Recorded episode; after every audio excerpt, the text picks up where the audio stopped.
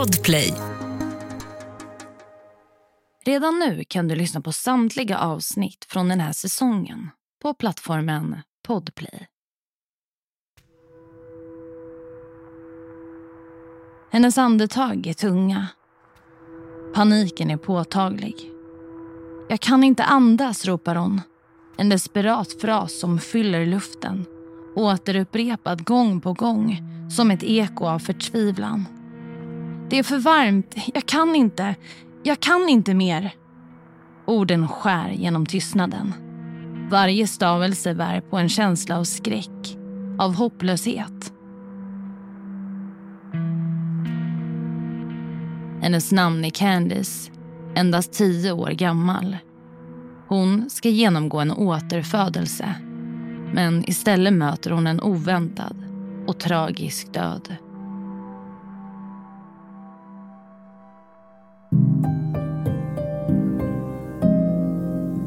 Du lyssnar på Jakten på mördaren. Med mig, Saga Springhorn. Jag vill varna för grova och ingående våldsskildringar gentemot barn i dagens avsnitt.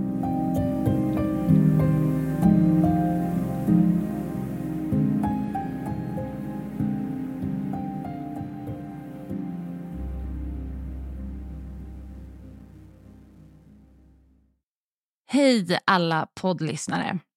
Det här är sista säsongen för året och den här sista säsongen kommer att innehålla fem avsnitt. Det är en lite speciell säsong eftersom att vi kommer att ta en titt tillbaka på några av de fallen som har presenterats tidigare i podcasten. Några fall som jag tycker sticker ut. Jag har lagt till lite nya detaljer, förbättrat berättandet för att göra de här avsnitten ännu mer lärorika och intressanta än tidigare. Och Jag hoppas verkligen att ni som lyssnar kommer att uppskatta den här säsongens tappning av tidigare fall. Nu går vi vidare.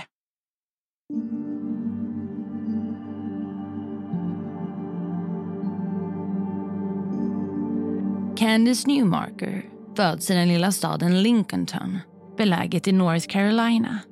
En pittoresk stad i sydöstra USA i november år 1989. Hennes första skrik skär genom sjukhuskorridorerna. Ett livets rop som ingen då kunde ana skulle bytas ut mot tystnad allt för tidigt. Candice och hennes två syskon, lika oskyldiga och omedvetna om världens mörker blir dock snart ofrivilliga huvudpersoner i en tragisk saga. Deras egna föräldrar blir deras plågoandar. Övergreppen sträcker sig över flera år tills en dag då socialtjänsten till sist kliver in. Hemmet, den plats som borde vara deras tillflykt, har blivit en plats av terror. Men det är inte den här delen av Candys liv som denna berättelse syftar till att berätta. Det är tiden efter. Tiden som borde vara fylld av läkning och hopp. Men för Candice blir det något helt annat. När hon bara är fem år gammal skiljs Candice och hennes syskon från deras föräldrar. Socialtjänsten tar över, fördelar syskonen mellan olika fosterhem. De placeras var och en i främmande hem, skilda från varandra. Särskilt för en liten flicka som Candice blir den här separationen traumatisk och lämnar djupa spår. Två år senare kommer Jean in i Candys liv. Jean, en ensamstående sjuksköterska från staden Durham i North Carolina. Hon har länge drömt om att bli mamma. Trots att hon är medveten om att det kommer att bli en utmaning med tanke på Candys tunga bagage är hon inte förberedd på de svårigheter som faktiskt väntar efter adoptionen. Hos Jean är Candice omgiven av kärlek och omtanke.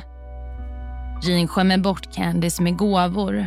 Hon gör allt för att den lilla flickan ska känna sig älskad och trygg. Hon ser till att Candice får den bästa möjliga utbildningen. Skickar henne till den bästa skolan i området. Hon är fast besluten om att skapa en ljus och hoppfull framtid för dem båda. Tiden gick. Dagar blev veckor. Veckor blev till månader. Och den harmoni som Jean hade hoppats på infinna sig förblev ouppnåelig.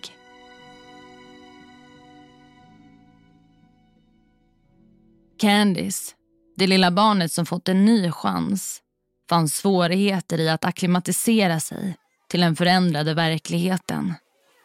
I skolans korridorer och klassrum var hon en ständig oroskälla, initierade konflikter och svarade argt på försök till interaktion. Prata inte med mig, var hennes mantra. Skarpt som knivar mot de övriga barnens nyfikna öron. Titta inte på mig, följde kort därefter. Ett försvar mot uppmärksamhet. För Jean var det en ständig kamp att nå fram till Candice. Hon försökte febrilt skapa en förbindelse, bygga ett band till den lilla flickan hon nu kallade sin dotter. Men varje försök tycktes misslyckas. Candice verkade inte ha något intresse av att lära känna nya människor eller ens upptäcka den stad hon nu kallade hem. Bekymrad över den fortgående situationen konsulterade Jean en mängd psykiatriska kliniker, terapeuter och psykologer i hopp om att hitta någon lösning. Hon drömde om en framtid där Candice kunde leva ett normalt liv. En dag köpte Jean en guldfisk åt Candice. En symbolisk gest av liv och omsorg. Hon hoppades att det lilla djuret skulle fungera som en förlängning av Candice själv. Att hon skulle finna värme och medkänsla i dess enkla existens. Men till hennes fasa hittade hon fisken död. Ett oskyldigt liv utsläckt av den unga flickan som borde varit dess vårdare. Med tiden eskalerade Candys beteende. Hon började experimentera med eld, lekte med tändstickor och tändare till Jeans förskräckelse. Jean var rädd att hennes dotter hade utvecklat en fixering vid eld. En farlig utveckling som kunde leda till katastrofala konsekvenser. För att bekämpa Candys växande problem blev hon introducerad till en mängd olika terapiformer. Hon träffade en rad olika psykologer och psykiatriska specialister och fick prova på en mängd olika mediciner. Allt från antidepressiva till antipsykotiska läkemedel och till och med amfetamin. Men trots dessa ansträngningar verkade inget göra någon verklig skillnad. Jean fortsatte att leta febrilt efter rätt hjälp för sin dotter. En dag kom Jean över information om en störning känd som reaktiv kontaktstörning. En form av anknytningsstörning. Hon lärde sig att det var vanligt hos barn som utsatts för övergrepp eller hos de barn som blivit förrådda av sina föräldrar. Hon kunde inte undgå att se likheterna med Candice. Vanliga tecken på detta tillstånd innefattar svårigheter att upprätthålla ögonkontakt, frekvent ljugande och stöld, svårigheter att kontrollera sina impulser, plågeri av djur samt en uppenbar brist på samvetskänsla. Allt detta stämde överens med Candys beteende.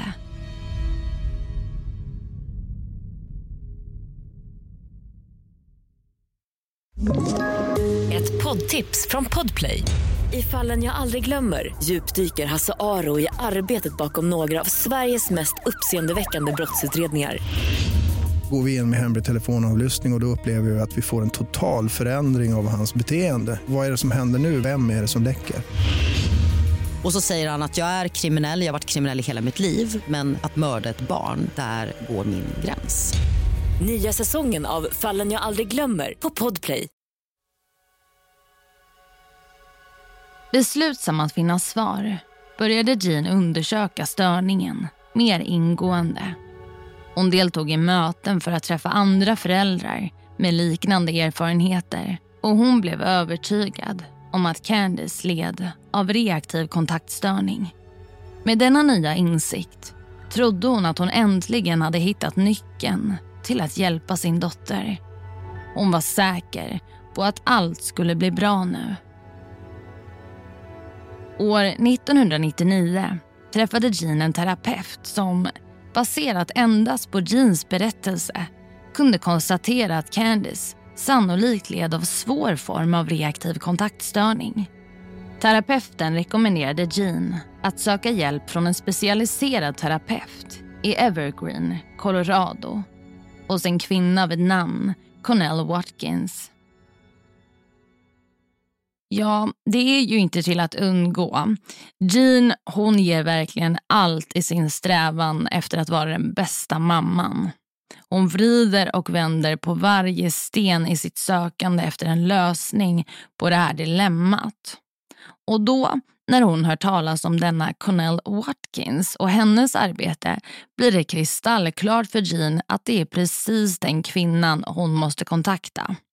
Denna Connell, terapeuten i fråga, sitter ju dock inte på någon licens. Men i samarbete med en kollega har hon trots det blivit en banbrytande kraft inom just behandling av reaktiv kontaktstörning. Hon har banat väg för en helt ny sorts behandling. En metod som även många andra terapeuter har börjat följa efter. Cornell hävdar att denna störning kan spåras ända tillbaka till spädbarnsåldern. Varje gång ett litet barn känner hunger, upplever smärta i magen eller kanske har en blöt blöja och dess föräldrar inte uppmärksammar eller svarar på dessa behov kan det ge upphov till problem. Cornell argumenterar för att om man exempelvis är två månader gammal och börjar gråta för att man har ont i magen och ens föräldrar inte kommer till undsättning, kanske inte klappar på ens rygg, tar hand om en, ger bröstmjölk, då utvecklas ens hjärna på ett avvikande sätt. Och Detta kan i sin tur leda till att man får svårigheter att lita på andra människor. Och Efter att hjärnan utvecklas på det här sättet behövs en sorts reparation. Ett tillbakagående i tiden när barnet var ett spädbarn för att återuppleva det som missades då. En del av denna process innebär en sorts återfödelse. Något som ni kommer få höra mer om senare. Men med hjälp av denna metod tänker sig Gina att Candice kanske kan få en chans att befrias från sin störning. Så låt oss lyssna vidare och se vad framtiden nu har att erbjuda Candice med denna nya form av hjälp.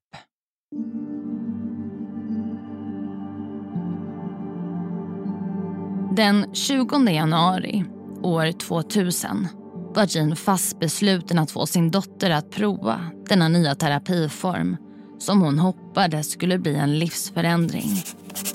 Med en penna i handen undertecknade hon kontraktet och förpliktade sig till två veckors intensiv terapi för sin dotter till en kostnad av 7 000 amerikanska dollar. Med dagens värde skulle det motsvara ungefär 71 480 svenska kronor. Vid denna tidpunkt var Candice tio år gammal.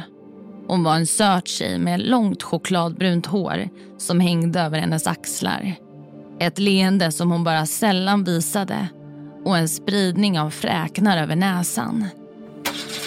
I april packar mamma och dotter sina väskor och med kartan i handen och hopp i hjärtat satte de sig i bilen och började deras 160 mil långa resa från hemmet till den främmande staden Evergreen i Colorado.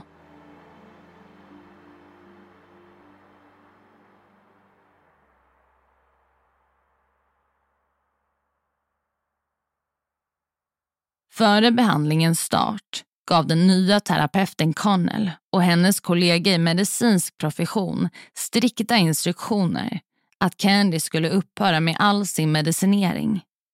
Tanken var att hon skulle komma till terapin ren, helt fri från effekterna av andra läkemedel, redo för den nya behandlingen. Amfetaminet som hon hade fått för att behandla sin ADD upphörde och likaså alla antidepressiva mediciner som hon tidigare tagit. Emellertid fortsatte hon att ta Risperdal, en lugnande medicin.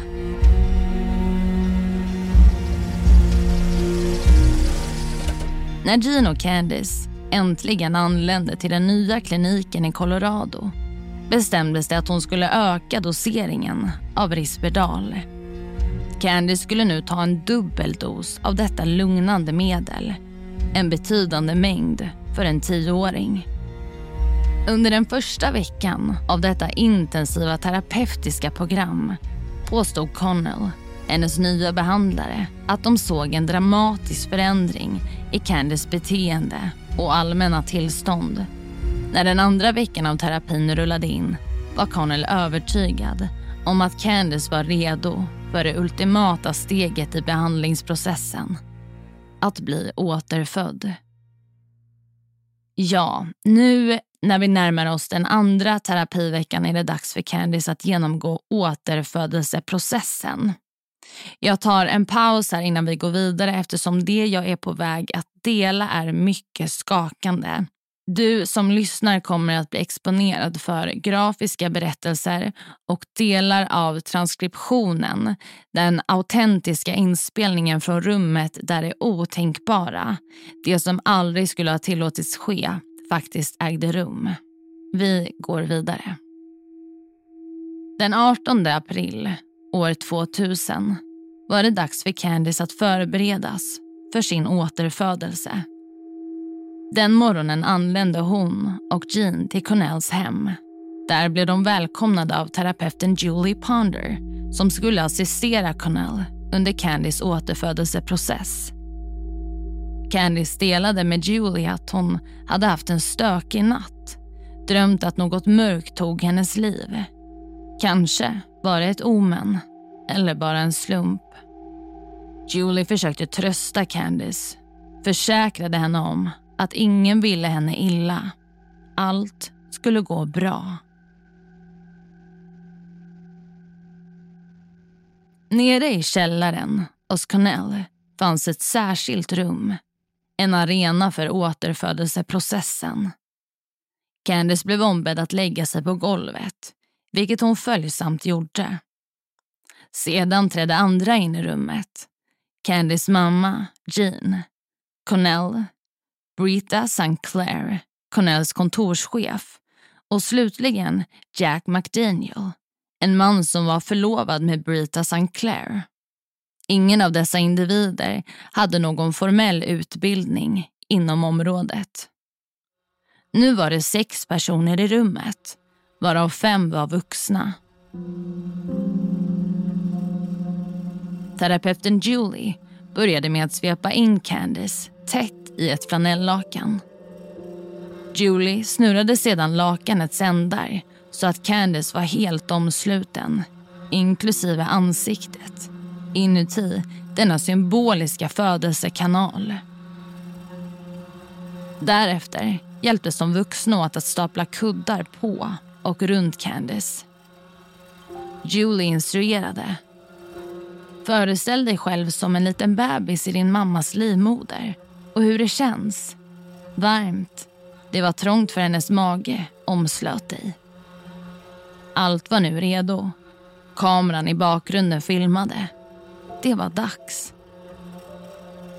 De vuxna samlades runt Candice som nu var helt innesluten. Julie greppade änden på lakanet som hon hade virat runt vid Candys huvud. Candice var helt instängd. De vuxna började knuffa mot henne för att efterlikna de muskelsammandragningar som en mamma får under förlossningen. Deras sammanlagda vikt uppgick till cirka 673 kilo medan Candice vägde runt 31 kilo. Vi kommer nu att dela segment från transkriptionen av videoinspelningen. Terapeuten Julie. Vad tror du att du tänkte på när du var där inne? Candice. Jag trodde att jag skulle dö. Julie. Du trodde att du skulle dö där inne? Cadence. Ja. Candice mamma Jean. Jag är så exalterad. Jag kommer få en ny bebis. Jag hoppas att det är en tjej.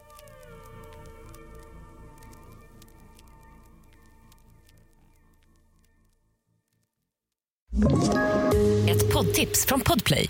I podden Något Kaiko garanterar östgötarna Brutti och jag, Davva, dig en stor dos skratt. Där följer jag pladask för köttätandet igen. Man är lite som en jävla vampyr. Man har fått lite blodsmak och då måste man ha mer. Udda spaningar, fängslande anekdoter och en och annan arg rant.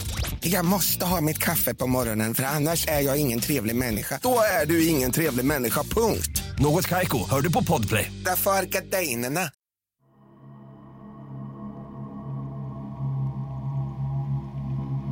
Cadence låg fortfarande där. Snurrad och instängd i det tajta flanellakanet medan de vuxna knuffade på henne. Hennes uppgift var att kämpa sig ut, att bryta sig fri som ett barn måste under en förlossning. Men redan kort tid efter återfödelseprocessens början visade Candice tecken på panik. Terapeuten Julie Kom ut med huvudet först. Du måste trycka väldigt hårt med fötterna. Om du stannar där inne så kommer du att dö och din mamma kommer att dö. Alla vuxna, med undantag för Jean, la sin samlade vikt på Candice. Ibland tryckte de fötterna mot soffan för att ge mer motstånd. Candice, Vem sitter på mig? Jag kan inte göra det här. ingen säger något på tio minuter. Candice kämpar för att ta sig ut. Jag kan inte göra det här. Candice börjar gråta. Terapeuten Connell, Ibland tar det mer än 18 timmar att födas. Candice börjar skrika på ett sätt som bara ett barn kan. Ett hopplöst skrik på hjälp. Jag kan inte, jag kan inte. Jag kan inte andas, jag kan inte andas. Den som trycker på mitt huvud hjälper inte till. Jag kan inte andas. Det är för mörkt här inne. Snälla sluta tryck på mitt huvud. Jag kan inte göra det här. Någon sitter på mig. 12 minuter har passerat. Candice, Snälla, snälla, jag kan inte andas. Jag kan inte göra det här mer. Snälla sluta putta på mig. 13 minuter. Jag behöver hjälp. Hjälp mig, snälla. Terapeuten Cornell, Känner du sammandragningarna, mamma? Jean, Ja, det gör jag. 16 minuter. Kan jag snälla få luft? Jag menar, ni vill väl inte att jag dör på riktigt? Terapeuten Julie, Gör det bara. Dö nu. På riktigt. På riktigt. Candice uttryckte återkommande att hon inte kunde andas.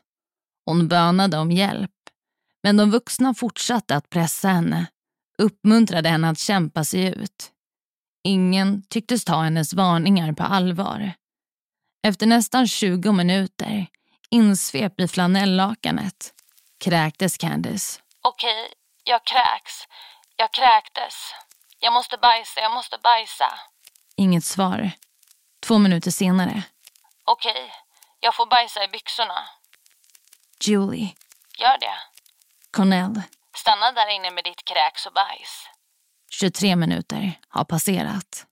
Candice var fortfarande inlindad i flanellakanet, omgiven av kuddar, människor som tryckte på henne.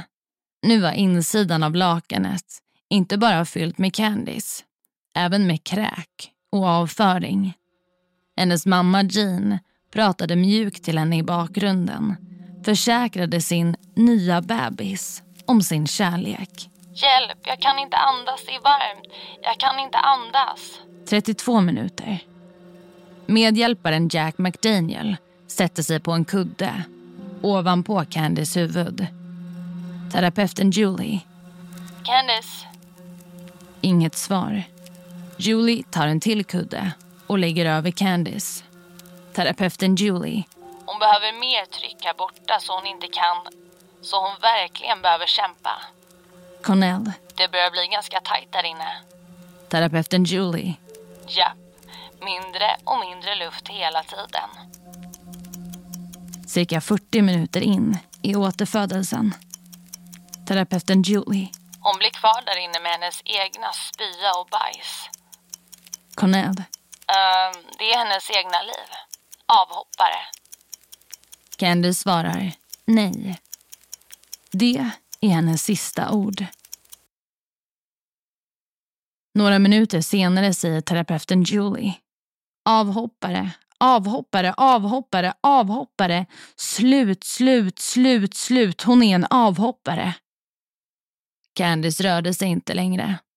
Hon sa inget heller. Fortfarande inlindad. Efter en stund signalerade Connell att de borde se till att Candice fortfarande andades. Julie sträckte in sin hand i lakanet för att känna på Candys ansikte. Hon rapporterade att Candice var svettig, vilket de tolkade som ett bra tecken. Samtidigt ombads nu Jean att lämna rummet. Terapeuterna signalerade att det kanske inte skulle gå som planerat. Julie och Connell började småprata med varandra. De diskuterade bland annat drömhuset i området som kostade flera miljoner kronor, vilket nu skulle renoveras. Candice hade varit innesluten i flanellakanet i cirka en timma och åtta minuter nu. Hon hade inte sagt ett ord på ungefär 45 minuter. När de slutligen öppnade flanellakanet låg Candice där livlös. Först tänkte de att det bara var ett av hennes vanliga trick. Att hon spelade dem ett spratt. Terapeuten Cornell. Och där är hon, sover i sin spya. Candice låg där, livlös, utsträckt på marken. Hon hade slutat andas. Hennes ansikte hade tagit en blåaktig ton. I ett annat rum satt Jean, Candys mamma, och iakttog det fasansfulla scenariot genom en monitor som var ansluten till filmkameran. När hon insåg allvaret i situationen rusade hon in till rummet.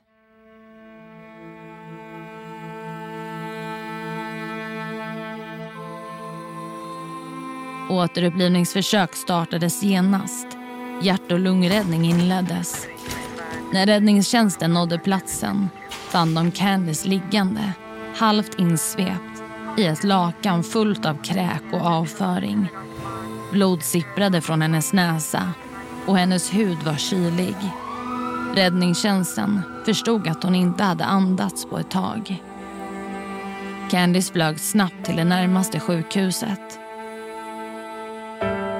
Nästa morgon meddelades det tragiska beskedet. Candice var död. Dödsorsaken kvävning. Ett år efter den tragiska händelsen fann man Connell, Julie, Jack McDaniel och Rita St. Clair inför rätten åtalade för sina handlingar. Connell nekade till brott stod fast vid att hon utfört samma typ av terapi på andra patienter tidigare. Hon hävdade ståndaktigt att Candice enkelt skulle kunna kravla sig ur lakanet.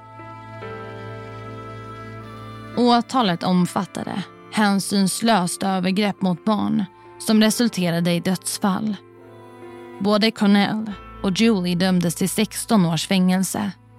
Cornell, med tårar i ögonen, vittnade i rätten. Citat. Jag måste nu leva för resten av mitt liv med vetskapen att Candy stod bredvid mig utan att jag var medveten om det. Slutcitat. Jack McDaniel och Brida Sinclair erkände sig skyldiga till försummande övergrepp mot barn. Deras straff blev tusen timmars samhällstjänst och tio års prövotid. Candys mor, Jean, erkände också sin skuld i försummelse och fick en fyra års villkorlig dom. I efterdyningarna infördes Candys lag i delstaten Colorado. En lagstiftning som nu förbjuder återfödelse som behandlingsmetod. Candice kommer alltid att bli ihågkommen genom denna lag. Och det var allt för dagens avsnitt. Vill du komma i kontakt med mig så kan du skriva till mig på Instagram där jag heter Saga Springkorn. Eller mejla till jakten på springkorn.se. Tack för att du har lyssnat.